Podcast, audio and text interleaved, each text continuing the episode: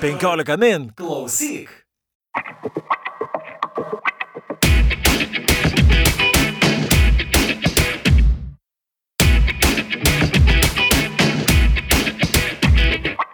Kaip startuoliai keičia pasaulį? Kokius produktus ir paslaugas kuria lietuviški startuoliai ir kaip jie susiję su globaliomis tendencijomis? Sveiki, esu Lukas Keraitis ir čia laida Technotronika, kurioje kalbinu lietuviškus startuolius. Šiandien pokalbėje robotai ir ne tik, pakalbėsime ir apie automatizaciją, žmonių ir mašinų darbus ir bijau, kad pakalbėsim apie labai daug dalykų ir reikia greičiau pradėti, nes norim apie daugą pakalbėti. Nes kalbinsiu Justiną Katkų, vadovą įmonės Factobotics. E, labas, Justinai. Sveikas, Lukai. Factobotics, Factobotics, kodėl iš vis ne Katkobotics? A, čia geras klausimas. Bet iš tikrųjų Factobotics gimė labai paprastai, sudėjom du žodžius Factory ir Robotics. Reikėjo sugalvoti pavadinimą per maždaug dvi minutės. Tai sėkmingai jį sugalvojom. Man atrodo, tokie pavadinimai yra geriausi, kaip yeah. per minutės, o paskui prilimpa. Mes, kad tik prieš uh, jungdami mikrofonus kalbėjome, ką jūs darot, ar visgi kuriat robotus, ar jūs kuriat robotizuotus sprendimus arba robotikos sistemas. Ir aš džiaugiuosi, kad tai pasirodo visai nedurnas klausimas. Tai yra labai sudėtingas klausimas, mes gal jį išplėsim vėliau, bet kad taip trumpai paaiškinti, e, Mano aplamai kaip e, kurėjo tikslas, čia ne pirma kompanija, kurią kuriu ir aš aplamai save skaitau uh, uh, produktų kuriejai. Tai visų pirma, ir kuriant šią kompaniją, robotikos rytį buvo tikslas kurti savo produktus. Uh, ne vystyti kažkokias tai paslaugas, bet būtent vystyti savo produktus. Uh, gal neišsiplėsiu, kaip tas kelias mūsų atvedė iki pramonės, arba iki industrinių robotų, arba industrinių robotų sistemų. Uh, Nes dar buvo Blue Ocean Robotics, jo, ne? Kuri... Tai buvo pirma, pirma mūsų kompanija, irgi su, su Sudanų partneriais. Tiesiog ta kompanija buvo mums per daug plati, jie apėmė labai daug sričių, e, o mes norėjom šiek tiek fokusuotis. Ir, ir taip gavosi, kad mes atsiskyrėm ir pradėjom būtent labiau pramoniniam arba tiem sprendimam arba robotams skirtą kompaniją, būtent kurti tos pramoninius naujus robotus. Ir vystyti, vystyti tos produktus. Tai mes ir esame kompanija, kuri visų pirma e, savo DNR e turi tą produkto vystimo gebėjimą. E, gebam, kaip sakau, dešimties skaidrių prezentaciją paversti veikiančią sistemą ir tai yra savybė ar savybės ir kelias, kurį mes pasirinkom ir įgūdžius vystėm šitos. Ir e, vėliau šitos produktus savo mes e, stengiamės e, komercializuoti. Mhm. Komercializuoti reiškia, tu produktą sukūri, nes jam iš tikrųjų yra poreikis, o mhm. ne šiaip tu jį sukūri. Ir tada tą produktą tu pristatai savo klientam, partneriam ir, ir, ir atlieki jo, tą, sakykime, instaliavimą arba dėgymą. Jo, aš manau, kad nusileiskim dar į paprastesnį lygį, kad visiems būtų aišku, nes jūs nekuriat humanoidų robotų, nekuriat žoliapjūvių robotų. Aš kaip suprantu, iš esmės tu esi tas žmogus, kuris, į kurį ateina, žmog, ateina kažkas kitas ir kreipiasi, sako, žiūrėk, ar būtų galima tai automatizuoti. O tas tai gali būti labai platu, ar ne?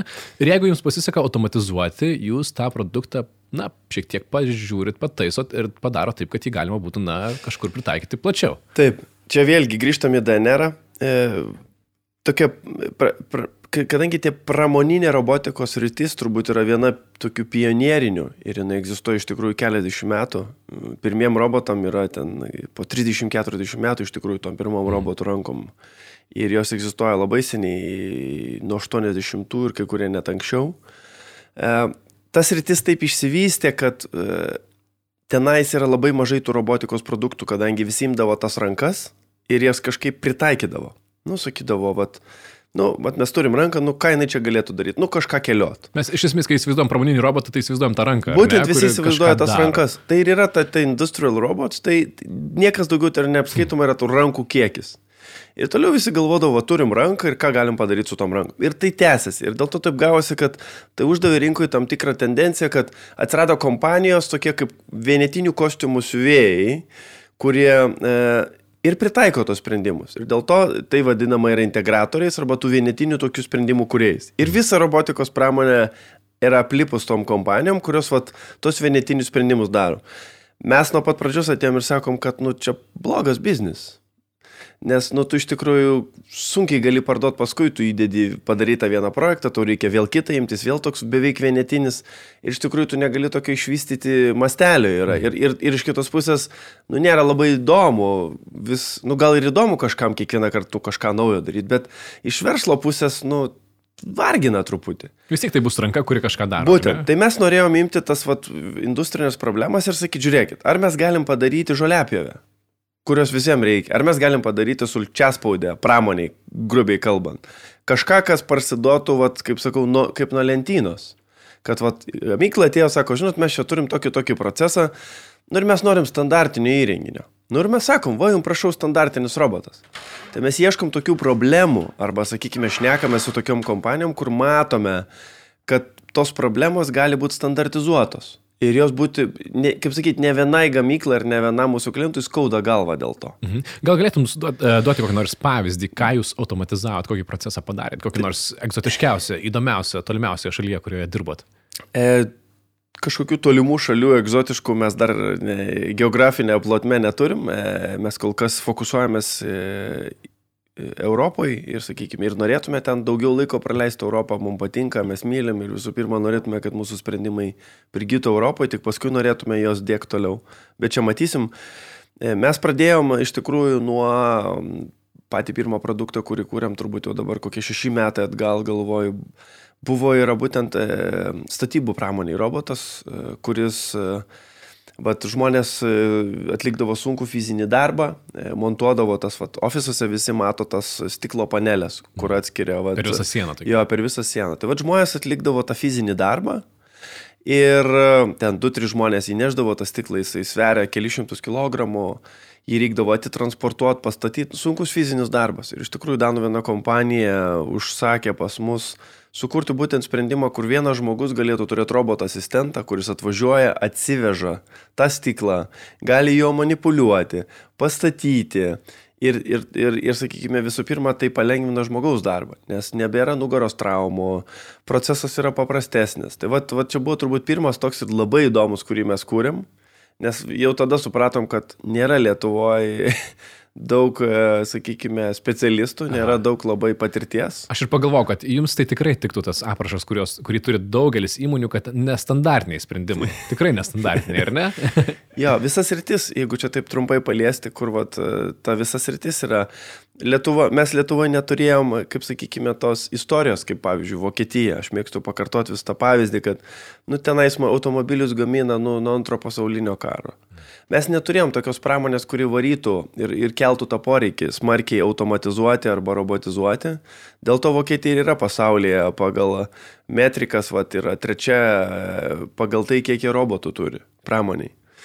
Nu tai yra va ta istorija, mes jos neturim, dėl to nėra ir, tu, ir tos patirties. Ir mhm. mes, sakykime, kaip tokie pionieriai, mes praktiškai einam ir turim susikurti ir patirtį, ir, ir žmonės, ir, ir, Jo, nes e, Lietuvoje iš tikrųjų, jeigu kažkas nori pakalbėti apie robotus, tai tu tikriausiai esi vienas pirmųjų pašnekovų, kurie daugelį šauna į galvą. Kaip manai, jeigu surinktume Lietuvoje visus žmonės, kurie dirba robotikoje, kurie nusimano kažką apie robotus, ar, ar čia susidarytų konferencijų salėje, ar daugiau, ar festivalis, e, kadangi robotika tikrai nėra tai, kuo bent kol kas garsėja Lietuva, ar ne? Vienareikšmiškai. Aš pasakyčiau, kad, kad klausia manęs kartais, kiek Lietuvoje yra tų kompanijų. Tai aš pasakyčiau, tokių tikrų robotikos kompanijų, mano akimis, jų yra iki dešimt. Toliau yra kompanijų, kurios dėgia robotus arba vadina, kad gali įdėkti robotus. Turbūt tas skaičius išauks dar iki šimto. Bet, bet iš tų jau, jau, jau sakykime, to tolimesnio rato iki šimto, nu, dauguma tų kompanijų nedaro to, bet tai yra kaip galimybė. Jeigu surinkti iš tikrųjų robotikos specialistus, tikrai va tos specialistus. Nu, tas žmonių kiekis apie šimtą žmonių turbūt yra. Mm. Ties tikrų specialistus, jeigu paimti, jų yra, nu gerai, gal keli šimtai. Bet mes daugiau jų neliečiam. Jeigu paimtume žmonės, kurie jau susidūrė su robotika, kurie robotizavę, nes nu, daug pramonės įmonių matė, tai tikrai mes surinktume didelę konferenciją ir, ir, ir tai gali būti ir, ir šimtai, ir, ir tūkstančiai žmonių, nes dabar ir pati tema yra aktuali labai. Mhm. O kiek robotų Lietuvoje turim, ar žinai, ar Vat, mes išsiskiriam kažkuo, nes pramonės vis tiek Lietuvoje irgi nėra tiek daug, kaip galbūt... Na, nu, kodėl Europos Europoje? Sąjunga? Mes, mes šiaip Europoje tokia, Europos Sąjunga, Europos komisija šiaip mus teikia tokia kaip pavyzdinė ekonomika. Mes vis dar turime 22 procentus BVP kuris yra vis dėlto yra pramonė. Yra. Daugumo Europos šalių e, turi šitą problemą, kad jie neturi tokio procento ir vat, būtent nauja Europos komisijos e, ne direktyva, bet tikslas buvo sugražinti pramonę į Europą ir būtent pakelti bent jau, kad šalis turėtų bent 20 procentų BVP. Yra. Tai mes Lietuva šiuo atveju pasidarėm pavyzdinė šalis. Dabar kiek mes tų robotų turim vienetų, šito aš nepasakysiu, nes net statistikos departamentas Lietuvoje neapskaito, tai oficialių duomenų nėra. Bet yra kitas matas, kuris yra va, dabar labiausiai išpopuliarėjęs, tai yra tas vadinama robotinės kverptis. Tai yra matas universalus visam pasaulyje, tai reiškia įskaičiuoja šitaip, kiek dešimčiai tūkstančių darbuotojų tenka robotų. Ir vat, pagal šitą pasaulį yra, yra reikiuojamos šalis, yra vedami vidurkiai ir taip toliau. Ir čia aš galiu pasakyti, vat, top, reiškia, penkias pozicijas. E, Singapūras yra pirmoje vietoje pasaulis, turi 831 robotą, e, 10 tūkstančių dirbančių. Antroje vietoje yra Pietų Koreja, trečioje yra Vokietija, 338. Pirma, Singapūras, Koreja yra būtent dėl elektronikos industrijos koncentracijos, tai reiškia, kai jie gamina 20 milijonų Lenovo laptopų, tas procesas yra 100 procentų robotizuotas. Tai reiškia, jie, jie a, ištisas linijas turi, kuriuose robotas dirba su robotus, robotus, robotus, robotų ir jie sulituoja, sudeda ir pagamina tos kompiuterius. E, vokiečiai, aišku, šį čia stovi tik tai dėl automotivo, dėl automobilių pramonės. Ketvirtoje vietoje yra Japonija su 300. Kas labai yra įdomu, švedai išsiveržė į penktą vietą, danai yra šeštoje vietoje. O, visai netikėtai šitos vietos. Jo, jau. ir, ir čia iš tikrųjų per paskutinius penketą metų, nu, danai šiaip pavyzdiniai yra šalis ir čia atskirai reikėtų turbūt kalbėti, Danija yra Europoje šiuo metu centras robotikos ir, ir, ir koncentracija didžiulė.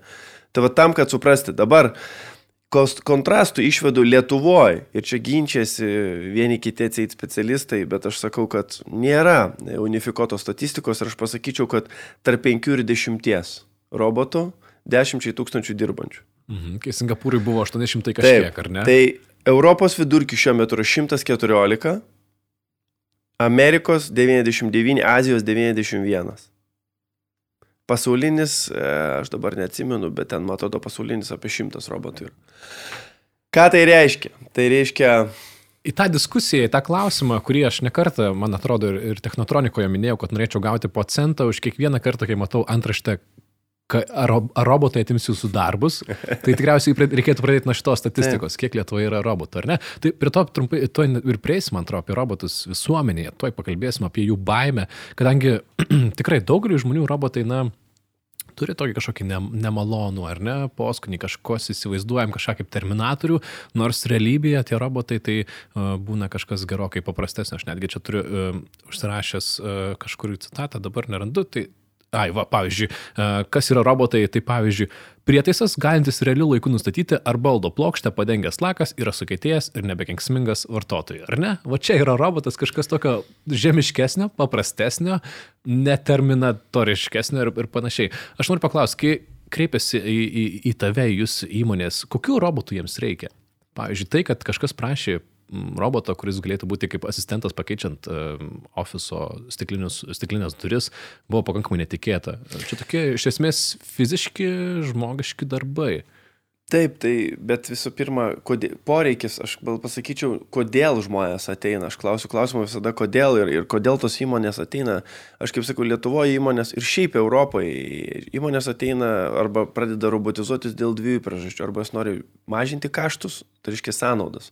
Tai reiškia pabrango jų gamybinis procesas, dažniausiai tai yra dėl kylančių žmogiškų kaštų, kartais dėl medžiagų, bet jų procesas pabrango. Dėl to jie mato, kad jiem tikrai verta yra robotizuoti tam tikrus procesus, kad žmonės dirbtų aukštesnės pridėtinės vertės darbus ir tam, pavyzdžiui, kažkokie inžinieriai, nu, nedarytų pas tave paliečių perkeliojimo. Nu, tai yra beprotystė ir įmoniai tai labai daug nuostolių generuoja. Kita pusė yra, kuri beje Lietuvoje vis labiau darosi aktuali, kad įmonės negali rasti darbo jėgos mm. tam tikriam procesam ir tai jos verčia. Čia aš vėl paminėsiu Danus, jie turi šitą problemą 20 metų. Dėl to robotizacijos lygis yra kitas. Aš kaip sakau, yra tam tikros industrijos Danijoje, kur kiekvienais metais išeina žmonių, tūkstantis, pusantro tūkstančių specialistų į pensiją, o naujų žmonių ateina tik keli šimtai. Tai reiškia, kiekvienais metais yra vos net tūkstančių darbo vietų atsiranda dobė. Ir gamykla tada sprendžia klausimą, ar aš užsidarinėju, ar aš automatizuoju. Ir va šitas, aš kaip sakau, kada pradeda kvepuoti nugarą tau, ar tu išnyksi kaip įmonė, ar, ar tu turi robotizuotis, tada tu labai gerai pasveri to savo likusius resursus ir kaip aš juos efektyviai noriu išnaudoti. Tikriausiai, kad e, pramonininkai, gaminantys žmonės mato šią diskusiją, robotai atims mūsų darbus visai kitaip. Ir Taip. teko būti jų konferencijose ir smagu stebėti juos iš šono, kaip jie kalba, e, duoda pavyzdžius apie Kiniją, apie dar kažką ir kaip jie stebėsi, kiek pavyko pakeisti žmonių ir kaip yra tai na, nuostabu, kas yra suprantama, jie gamina. Tai yra dideli kaštai, tų žmonių rasti sunku.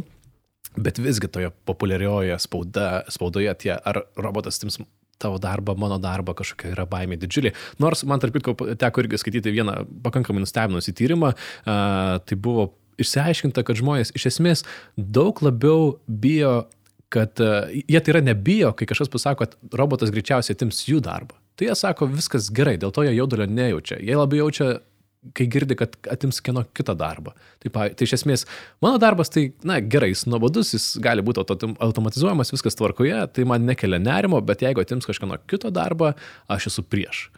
Tai irgi tokia įdomi perspektyva, kur tikriausiai mes ne visai susigaudome.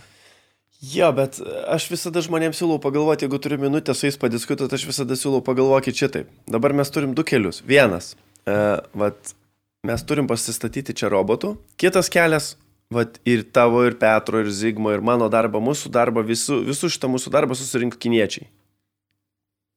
Kokį tu kelią, sakau, rinksies? Nes iš tikrųjų taip yra.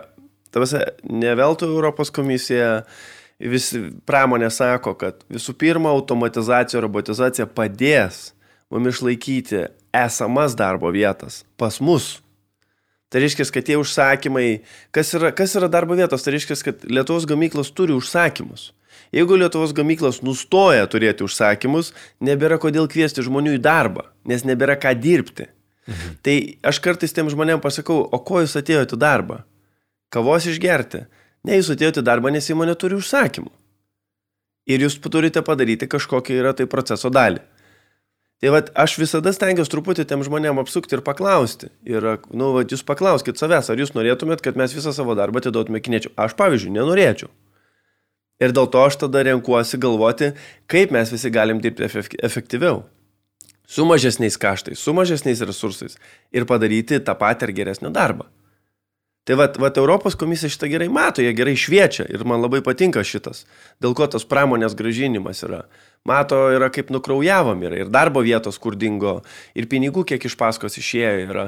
Tai yra didelė, sakykime, iniciatyva. Bet čia mhm. neišsip, neišsiplėskime. Bet iš esmės tavo požiūris į tą, kad na, robotai perima darbus, tai yra gerai, ar ne? Tai iš esmės yra pozityvus reikalas. Aš vis galvoju, norėjau tavęs paklausti tokio pusiau filosofinio klausimo, aš matau, kad tu jau užsisvajoji, bet iš esmės, e, kas yra humaniškiau arba kas yra mažiau humaniška? Ar atimti iš žmogaus tą darbą, kuris yra rutiniškas, ro robotiškas, na, kad ir daug, daugelio kasininkų darbai, kur yra triukšmingoje aplinkoje, didžiuliame prekybos centre.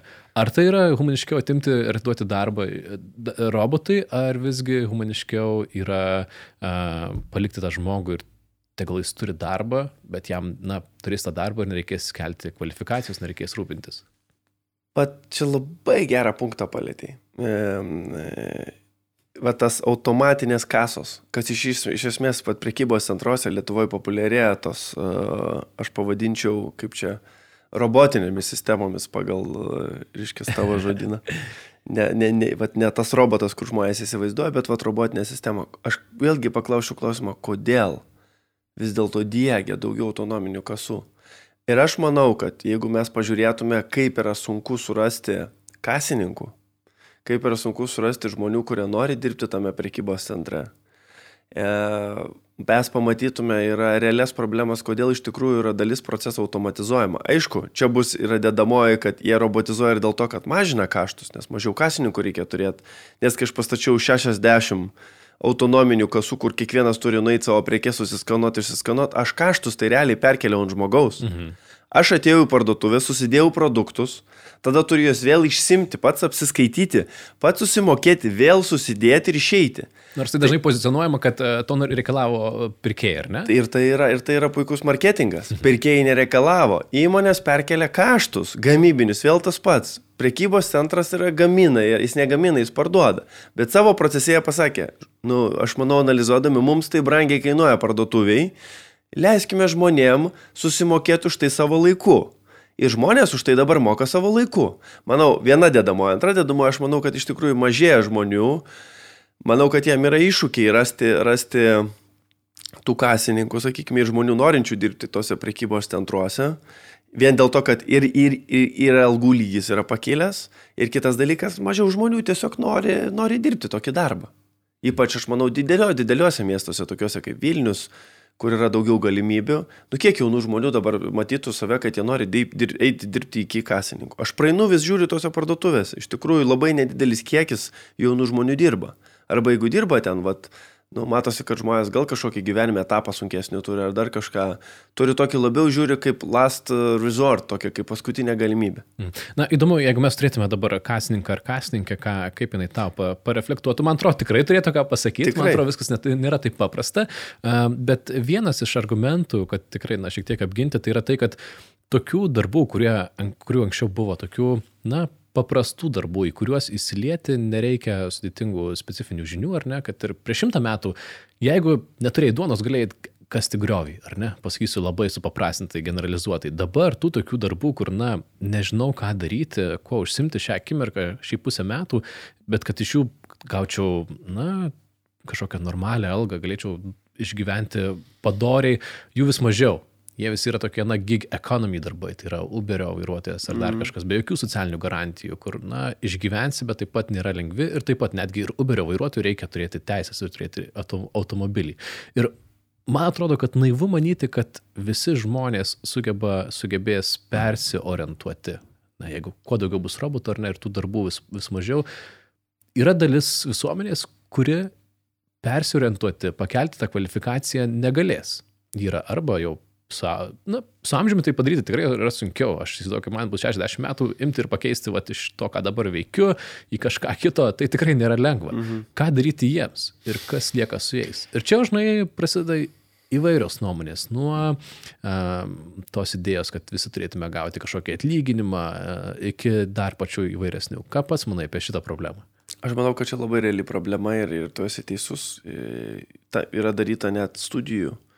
Yra net aišku skaičiai, aš dabar judėjęs su savim neturiu, bet e, kiek aš atsimenu, yra skaičiuojama atskiruose sektoriuose ten 10-15, kai kur ir daugiau procentų žmonių, kurie yra vadinami tie non-convertibles, arba tie, mm. kurie negali persikvalifikuoti. Dėl įvairių galimybių. Žmonės yra skirtingi, vieni lėtesni, kiti greitesni, vieni jaunesni, senesni. Ten manau, kad būtų galima tiksliau pastudijuoti. Bet yra tokia tiesa, kad dėja kiekvieno pramoninio lūžio kažkokiam arba technologinio lūžio metu būna dalis visuomenės, kurie iškrenta. Neprisitaiko ir čia, čia jau yra socialinės sistemos klausimas, kaip mes visi kartu mokesčiais, kaip mes visi kartu yra ta bendra ekonomikos yra varikliu, traukiame yra tuos yra, sakykime, iškritusius. Ir čia yra labai rimtas klausimas, dėl to, kad jeigu mes taiga pradėsim robotizuoti labai daug darbo vietų vienu metu, ir aš kalbu ne tik apie pramoninius robotus, nes jie pagal skaičius, kaip matom, yra mažiausia grėsmė, iš tikrųjų didesnė grėsmė kelia apie tai, ką žmonės nešneka taip garsiai, tai yra būtent tie kompiuteriniai robotai. Būtent. Man atrodo, kad robotizacija ir automatizacija yra dažnai supainiojami dalykai. Ir iš esmės, kai mes kalbam apie robotizaciją, na, socioekonominį požiūrį turime omenyje ir automatizaciją, nes daug lengviau pykti ant tos robotinės rankos, Taip. kurią dar jeigu supykęs šiaip gali tapti kokiu nors liudytu ir sudaužyti, o kaip supykti ant programinės įrangos, Taip. ant softo, dėl kurio tu netekai darbo. Taip tai yra kažkas net neapčiuopiamo. Taip. Ir čia, čia yra didesnis pavojus, kad iš tikrųjų dirbtinio intelekto to vadinamos sistemos, jos iš tikrųjų atims daug daugiau darbo vietų. Jos atims daug analitinio darbo, jos ati, jau atima, atims su, su kalbos technologijom, kurios yra, vats, kai kurie specialistai sako, kad yra keletas metų iki tol, kol išeisi platų naudojimą. Ir tai reiškia, tu skambučių centrus gali pradėti automatizuoti, kur dirba dešimtį milijonų. Atsiranda daug tokių nišinių vietų, kurios taiga pasidaro labai jautrios. Ir tu staiga gali įjungti, vad kaip sakau, įjungti serverį. Čia ne gamyklą pastatyti, privežti robotą. Tu įjungi į serverį ir gali paleisti kelius milijonus žmonių be darbo rytoj. Mhm. Ir va aš klausiu čia, ir čia aš norėjau vat, kaip tik pacituoti, yra, sakau, tas nu, vienas iš kandidatų į JAV prezidentų šiais metais yra Andrew Ng. Būtent yra dirbtinio intelekto toks labai garsus technologas, kuris ir, ir dirbo ir prie Google to dirbtinių smegenų projekto ir paskui jis pas baidų dirbo. Jis, jis, jis būtent veda tą stovyklą, kad jis, jis ir sako, jūs nemeluokite žmonėm, kad, sako, dirbtinas intelektas netims darbo, tai sako, bus yra katastrofa. Yra jis būtent eina priešingai ir jisai šneka ir jis būtent yra tos bazinės, bazinių pajamų didysis atstovas, kad sakykime, mes turime jau dabar konstruoti mūsų mokesčių sistemą taip, kad iškritusiam žmonėm tos kompanijos, kurios paima darbo vietas ar bendra ekonomika, turi iš tikrųjų pradėti mokėti yra bazinės pajamas. Kitaip tu pradėsi turėti didžiulį nedarbą, kuris visi supranta, kad gali vesti, pradėti vesti prie nestabilumo valstybėje, yra prie apiplėšimų, pakelimo ir taip toliau, ir taip toliau, ir taip toliau yra. Mhm. Aš taip ir tikėjausi, kad mes nueisim į basic income, tai yra Taip. tų bendrųjų pajamų idėja, kadangi jinai šią akimirką yra tarsi vienintelė tokia alternatyva sklandanti. Man atrodo, jinai sklanda pirmiausia tarp libertarų, Taip. tarp liberalių ir libertarių pažiūrų žmonių. Ir e, man atrodo, kad mes šią akimirką nei vienas, nei aš, nei tu nesam pakankamai ekonomikoje taip nusimanys galėtume pasverti visas alternatyvas, ar tai gerai ar ne, ne, bet ar tau neliūdna, kad tai yra lyg ir vienintelė alternatyva, apie kurią dabar kalbame, na? Basic income. Suomija vykdo eksperimentus, žiūrim, kaip jie Įvykdė. seksis. Įvykdė jau. Labai nesėkmingai, beje. Aha, bet, bet rezultatus dar sakė, skelbs, ar ne, ar jau paskelbė. jau yra rezultatai, bet jie labai nesėkmingi. E, bet aš tik tai gal grįšiu prie to, kad manau, kad e, atsakymas nėra labai vienpusis, kad basic income'as viską išspręs. Aš manau, kad sprendimas bus kaip visada kompleksinis. Tai yra kažkiek priemonių, kažkokia tai labai tokia maišyta strategija. e, Kuri, kuri, kuri išspręs ir tai bus vienas iš dalykų, aš manau, aš jau čia kelis metus apie tai išneku, Ir, ir manau, kad atsiras toks dalykas kaip e, automatizavimo ir robotizavimo kvotos. Aš manau, kad mes pradėsim reguliuoti. Tu manai, kad reikėtų jų? Aš manau, kad dar ne, bet aš manau, kaip, kad kai bus pirmi dideli poveikiai ir staiga kaip iš tikrųjų žmonės atsibus ir pamatys, kaip galima, sakau, vat, staiga paleisti didelį kiekį žmonių į bedarbius, bus didelė panika ir valstybės įsijungs ir reguliavimas įsijungs. Ir aš manau, kad tai bus vienas iš dalykų, kas padės nuraminti žmonės, kad tiesiog mes nepaimsim ir per penkis metus neišjungsim viso sektoriaus. Mhm. Aš manau, kad tai turės būti. Ir tai bus kartu su Basic Income, kartu bus aš su dar kažkokiam priemonėm, čia galėtume atskirą laidą apie tai padaryti ir, ir aš galėčiau užsakyti daugiau dalykų, kas manau, kad įsijungs. Bet, bet tai nebus taip paprasta. Mm. Ir tai tikrai, ir mano akimis, aš manau, kad tai tikrai ateina. Kas turėtų keistis, kad tas na, pokytis į tą automatizaciją būtų švelnesnis, tai nebūtų skaudu? Aš galvoju, tai irgi, nežinau, ar tai filosofiškas, klausimas, bet na, mūsų požiūris į darbą, ar jis neturėtų palengva keistis? Mes vis dar kalbam, kad darbo atimimas tai yra kažkas blogo, ar ne? Kaip Ne. ne. palengva tas... e, Lukai, vat, pašnekam truputį, vat, aš kaip čia gerai pradžioje kalbėjom skaičiais, ne? Mhm. Nu, vat, vat, Jo, būtinai panaudokim tavo skaičius, kurių turi daug. Jo. Ir jie, man atrodo, sugrįžina šiek tiek optimizmo. Jo, jo, mes čia jo, jo, va būtent, negatyviai va kalbam. būtent, va bet, būtent, e, vat- vat kalbam, skaičiai- kalbam apie ateitį, ar ne? Jo. O dabar viskas dar nėra taip blogai, kaip Jo, mes galėjom čia piešti. Tai vat, pat paimam skaičius, vat. E, industriniai robotai, arba kaip žmonės supranta, va tie robotai rankos. Nu, viso labo pasaulinė, sakykime, pasaulyje jų per metus parduodama viso labo, tik tai yra truputį daugiau negu 400 tūkstančių per metus. Viso labo. Ta jų globali populiacija šiuo metu, arba kiek jų yra dirbančių pasaulyje yra apie 2,5-3 milijonų. Tai reiškia tokia Lietuva. Prognozija yra, kad 22 metais mes pasieksim 4 milijonus robotų rankų, kurie neišėjo į pensiją, vis da, darbingų, kurie dirba kiekvieną dieną. Mm. Tai lietuvėlė prie 7 milijardų žmonių ir, vat, kaip mes pradžioj su tam skaičiavom, nu jeigu paėmus, turbūt kokie 3 milijardai dirbančių. Reiktų čia, aišku, nespekuliuoti, ne, ne, nespekuliuot, bet pasižiūrėti tikslius skaičius. Jokingas skaičius. Aišku, reikėtų skaičiuoti, kokį poveikį jie turi ir taip toliau, ir kur tie robotai yra. Ir mes matom, kad yra topinės kelios šalis, kaip prieš tai kalbėjau, kurios turi daug robotų, o paskui dydžios, daug, daug šalių turi ten po pos kelis keliasdešimt robotų. Ir iš tikrųjų visiškai viskas yra rankų darbas. Toliau, kur tie robotai dirba? Tai per metus iš tų parduodamų ke- 400 tūkstančių naujų robotų 140 maždaug eina į automobilių pramonę, į elektroniką 135, metalą, mašinų aptarnavimą, taip toliau apie 40 tūkstančių, plastiko chemijos industrija apie 30 tūkstančių, maistą ir visą kitą tarp 10-30 tūkstančių. Iš esmės ten, kur mes ir įsivaizduojam robotus jau. Taip, jie visi tenais nusėda, bet aš kaip sakiau, tai yra serijiniai dideli procesai, taip toliau, taip toliau. Sunkiai robotai vis dar skverbėsi pramoniai tos procesus, kur yra, vat, žmogus turi padaryti daug kompleksinių uždavinių. Sunkiai. Mhm. Aš pilnai tave suprantu ir man atrodo, kad čia ir ta diskusija mūsų yra apie tai, kad nebesvaikim. E, Robotai galbūt padeda uh, iliustruoti tą automatizacijos problemą. Ne? Nes netgi Taip, taip, taip. robot lawyer, tai yra robotas teisininkas, kuris padeda išspręsti kažkokias uh, na, mažas teisinės problemas, taip pat vadinamas robotu, nors tai turėtų būti vėlgi programinė įranga, tai yra automatizacija, Būtent. ne robotizacija. Būtent. Bet strėlės visos keliauja į robotų pusę, Taip, į taip, robotų taip. kuriejų pusę. Tai ne, ne, viskas čia gerai. Dėl to sakau, mes truputį parodykim skaičius ir skaičiai, kaip sakau, nu, skaičiai viską parodo. Keliaujam truputį toliau, Lukai. Pasišnekam gerai, čia mes kalbėjom apie industrinius robotus, robotų rankas.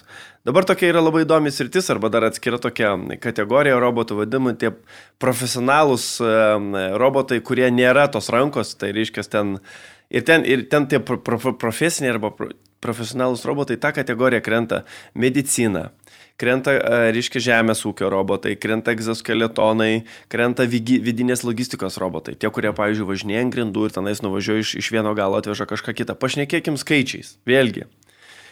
19 metai. 360 tūkstančių vienetų. Visas. vi- a- Pasaulyje. Pasaulyje. Pasaulyje. Pašnekam apie vidinę logistiką. 170 tūkstančių vienetų. Iš jų 100 tūkstančių uh, su viršum, uh, 110 nueina į sandėlius. Tai reiškia didžiulius sandėlius, kur žmonės ten jau seniai nebeprivažinėja, robotai suvažinėja ir sutampo ir krovinius atveža ir taip toliau. Jeigu pasakytum, kad e, tiek robotų turi Amazon, tai aš taip gi- giliai, giliai nepagalvojęs tikriausiai ir patikėčiau tokiu skaičiumi. Jie, jie ženkliai mažiau turi, bet aš turiu meni, kad čia yra vat, vėlgi metiniai pardavimai yra, ir, ir, ir, ir kiek tų robotų yra. Vėlgi procesas smarkiai, sakykime, tų sandėlių automatizacijos smarkiai vyksta. Vėlgi galim paskonalizuoti, kaip kodėl, ne? Pasižiūrim toliau dar vieną labai sritis - medicina. Dabar čia vėlgi yra vajus, kad, iškės, kompiuteriai, kompiuterinė rega, nu, va čia visus išvarys iš darbo, ne? Nu gerai, sakau, pašnekam apie robotus. Per metus 18-19, vat, kiekvienais metais parduodama medicinos industrijai viso labo maždaug po 5000 tų robotų. 5000 pasaulyje. Važiuojam toliau. Visi mėgsta dabar fantastinius filmus, egzoskeletonus. Ten, reiškia, užsidedi tokį power kostiumą, su kuriuo tu ten gali kelio daiktus. Dabar visus labai gražiai rodo iš tikrųjų, kad paralyžiuoti, ž- paralyžiuoti žmonės gali pradėti valdyti mintimis. 18 metai - 7000 vienetų.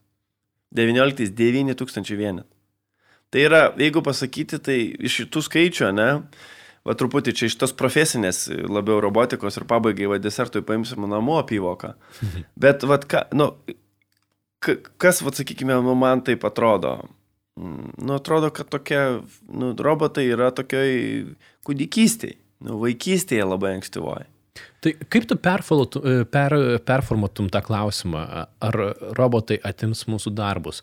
Koksai būtų teisingas klausimas klausti, kai mes kalbame apie robotizaciją? Aš Dėl manau, kad- galėtume, galėtume nerimauti arba neturėtume nerimauti.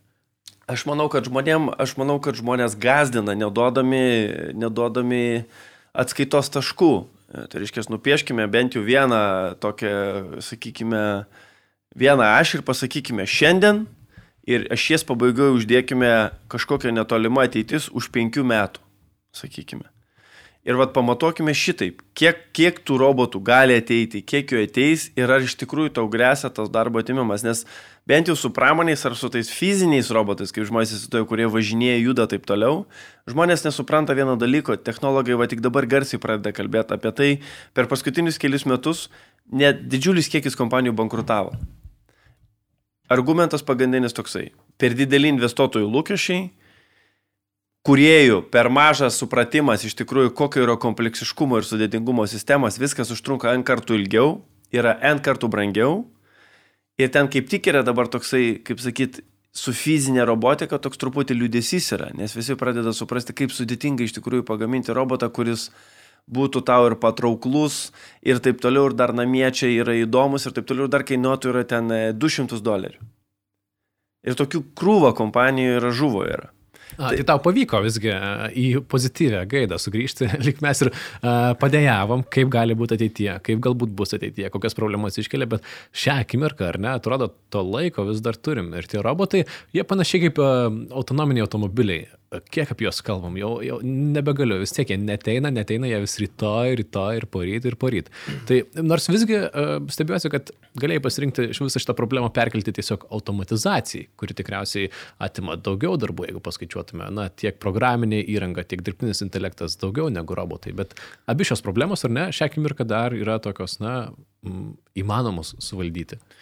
Jas yra valdomas. Aš tik tai sakau, kad e, neteisingai yra komunikuojama. Ir, ir, ir aš kažkadangi esu, sakykime, tų labiau fizinių robotų, kuriejas, ne, ne, ne, nekuriam mes technologijų, kurios vat staiga paleis tūkstančių žmonių iš biurų, bedar, bedarbiais, tai aš labai daug už tą sritį gal, negaliu atsakyti, bet už savo sritį, tai sakau, skaičiai kol kas rodo yra, skaičiai kol kas rodo visai ką kitą. Mhm. Kad tai yra smarkiai yra perspausta Jo, ką dar rodo tavo skaičiai, kurių čia tiek daug turi? Aš kaip suprantu, humanoidai, robotai čia net neįeina. Ne, humanoidai čia neįeina, jie net neegzistuoja. Jo, jie net neegzistuoja plamai kaip, kaip, kaip kategorija ir, ir manau, kad jie neegzistuos ten yra dar gerą, gerą penketą metų. E, vėlgi yra čia atskira filosofinė diskusija, kurią aš mėgstu vesti, sakau, kodėl žmonės bando kurti robotus, kurie yra panašus į žmonės. Didžiąją, dalį, didžiąją dalim tai yra nebūtinai pati efektyviausia forma atlikti tam tikram darbui. Kad mes tokie išsivystėm, tai nereiškia, kad tai yra geriausia forma robotui. Mm. Bet iš tikrųjų, e, žymiausias pats humanoidų kuriejas, Japonas, dabar jo vardą pavardę bijau sumaišyti. žinomas, taip. E, iš HH. Neatsimenu. Bet, abu dabar, žinome, jo, bet, bet, bet jisai pats sako, kad jam humanoidų kūrimas yra iš esmės būdas pažinti žmogų. Būdas tai... pažinti save, jis nuo to pradėjo. Jo. Kaip aš reaguosiu turėdamas. Toks jis filosofiniai dalykai. Bet jis labai gerą eksperimentą padarė ir čia irgi vėlgi galima atskirą laidą padaryti vien vieną apie filosofinės diskusijas. Bet... Aha. O kaip jautiesi, kai žiūri į robotus pagamintus Boston Dynamics? Jie sukėlė, man atrodo, naują tokią diskusiją, naują kalbą. Daug kas, man atrodo, kas nesidomi robotais, netgi pastebėjo juos, jų vaikščiantis į šunis panašus robotai daro yeah. duris. Kaip tai jautiesi? Ar tau taip pat atrodo, kad tai yra na, neįtikėtina robotų pažanga? Ar galbūt gali parekomenduoti kitas įmonės, kurias galim sekti ir domėtis, m, kurios taip pat atrodo tokia Na, tikrai pažengusią robotiką. Yra, aš kaip sakau, mum, mum, mum, mum vakariečiam, mes labiausiai tai, kadangi japonai sugeba sėdėti pas save po tokiu, nenoriu pasakyti po pleninę uždangą, bet po, to, po tokią japonišką uždangą. Iš tikrųjų, japonai yra prieš akį robotikoje labai smarkiai ir mes net nežinom ir nesuprantam, kiek, robo, kiek, kiek, kiek jie tenais eksperimentuoja ir kiek jie daro.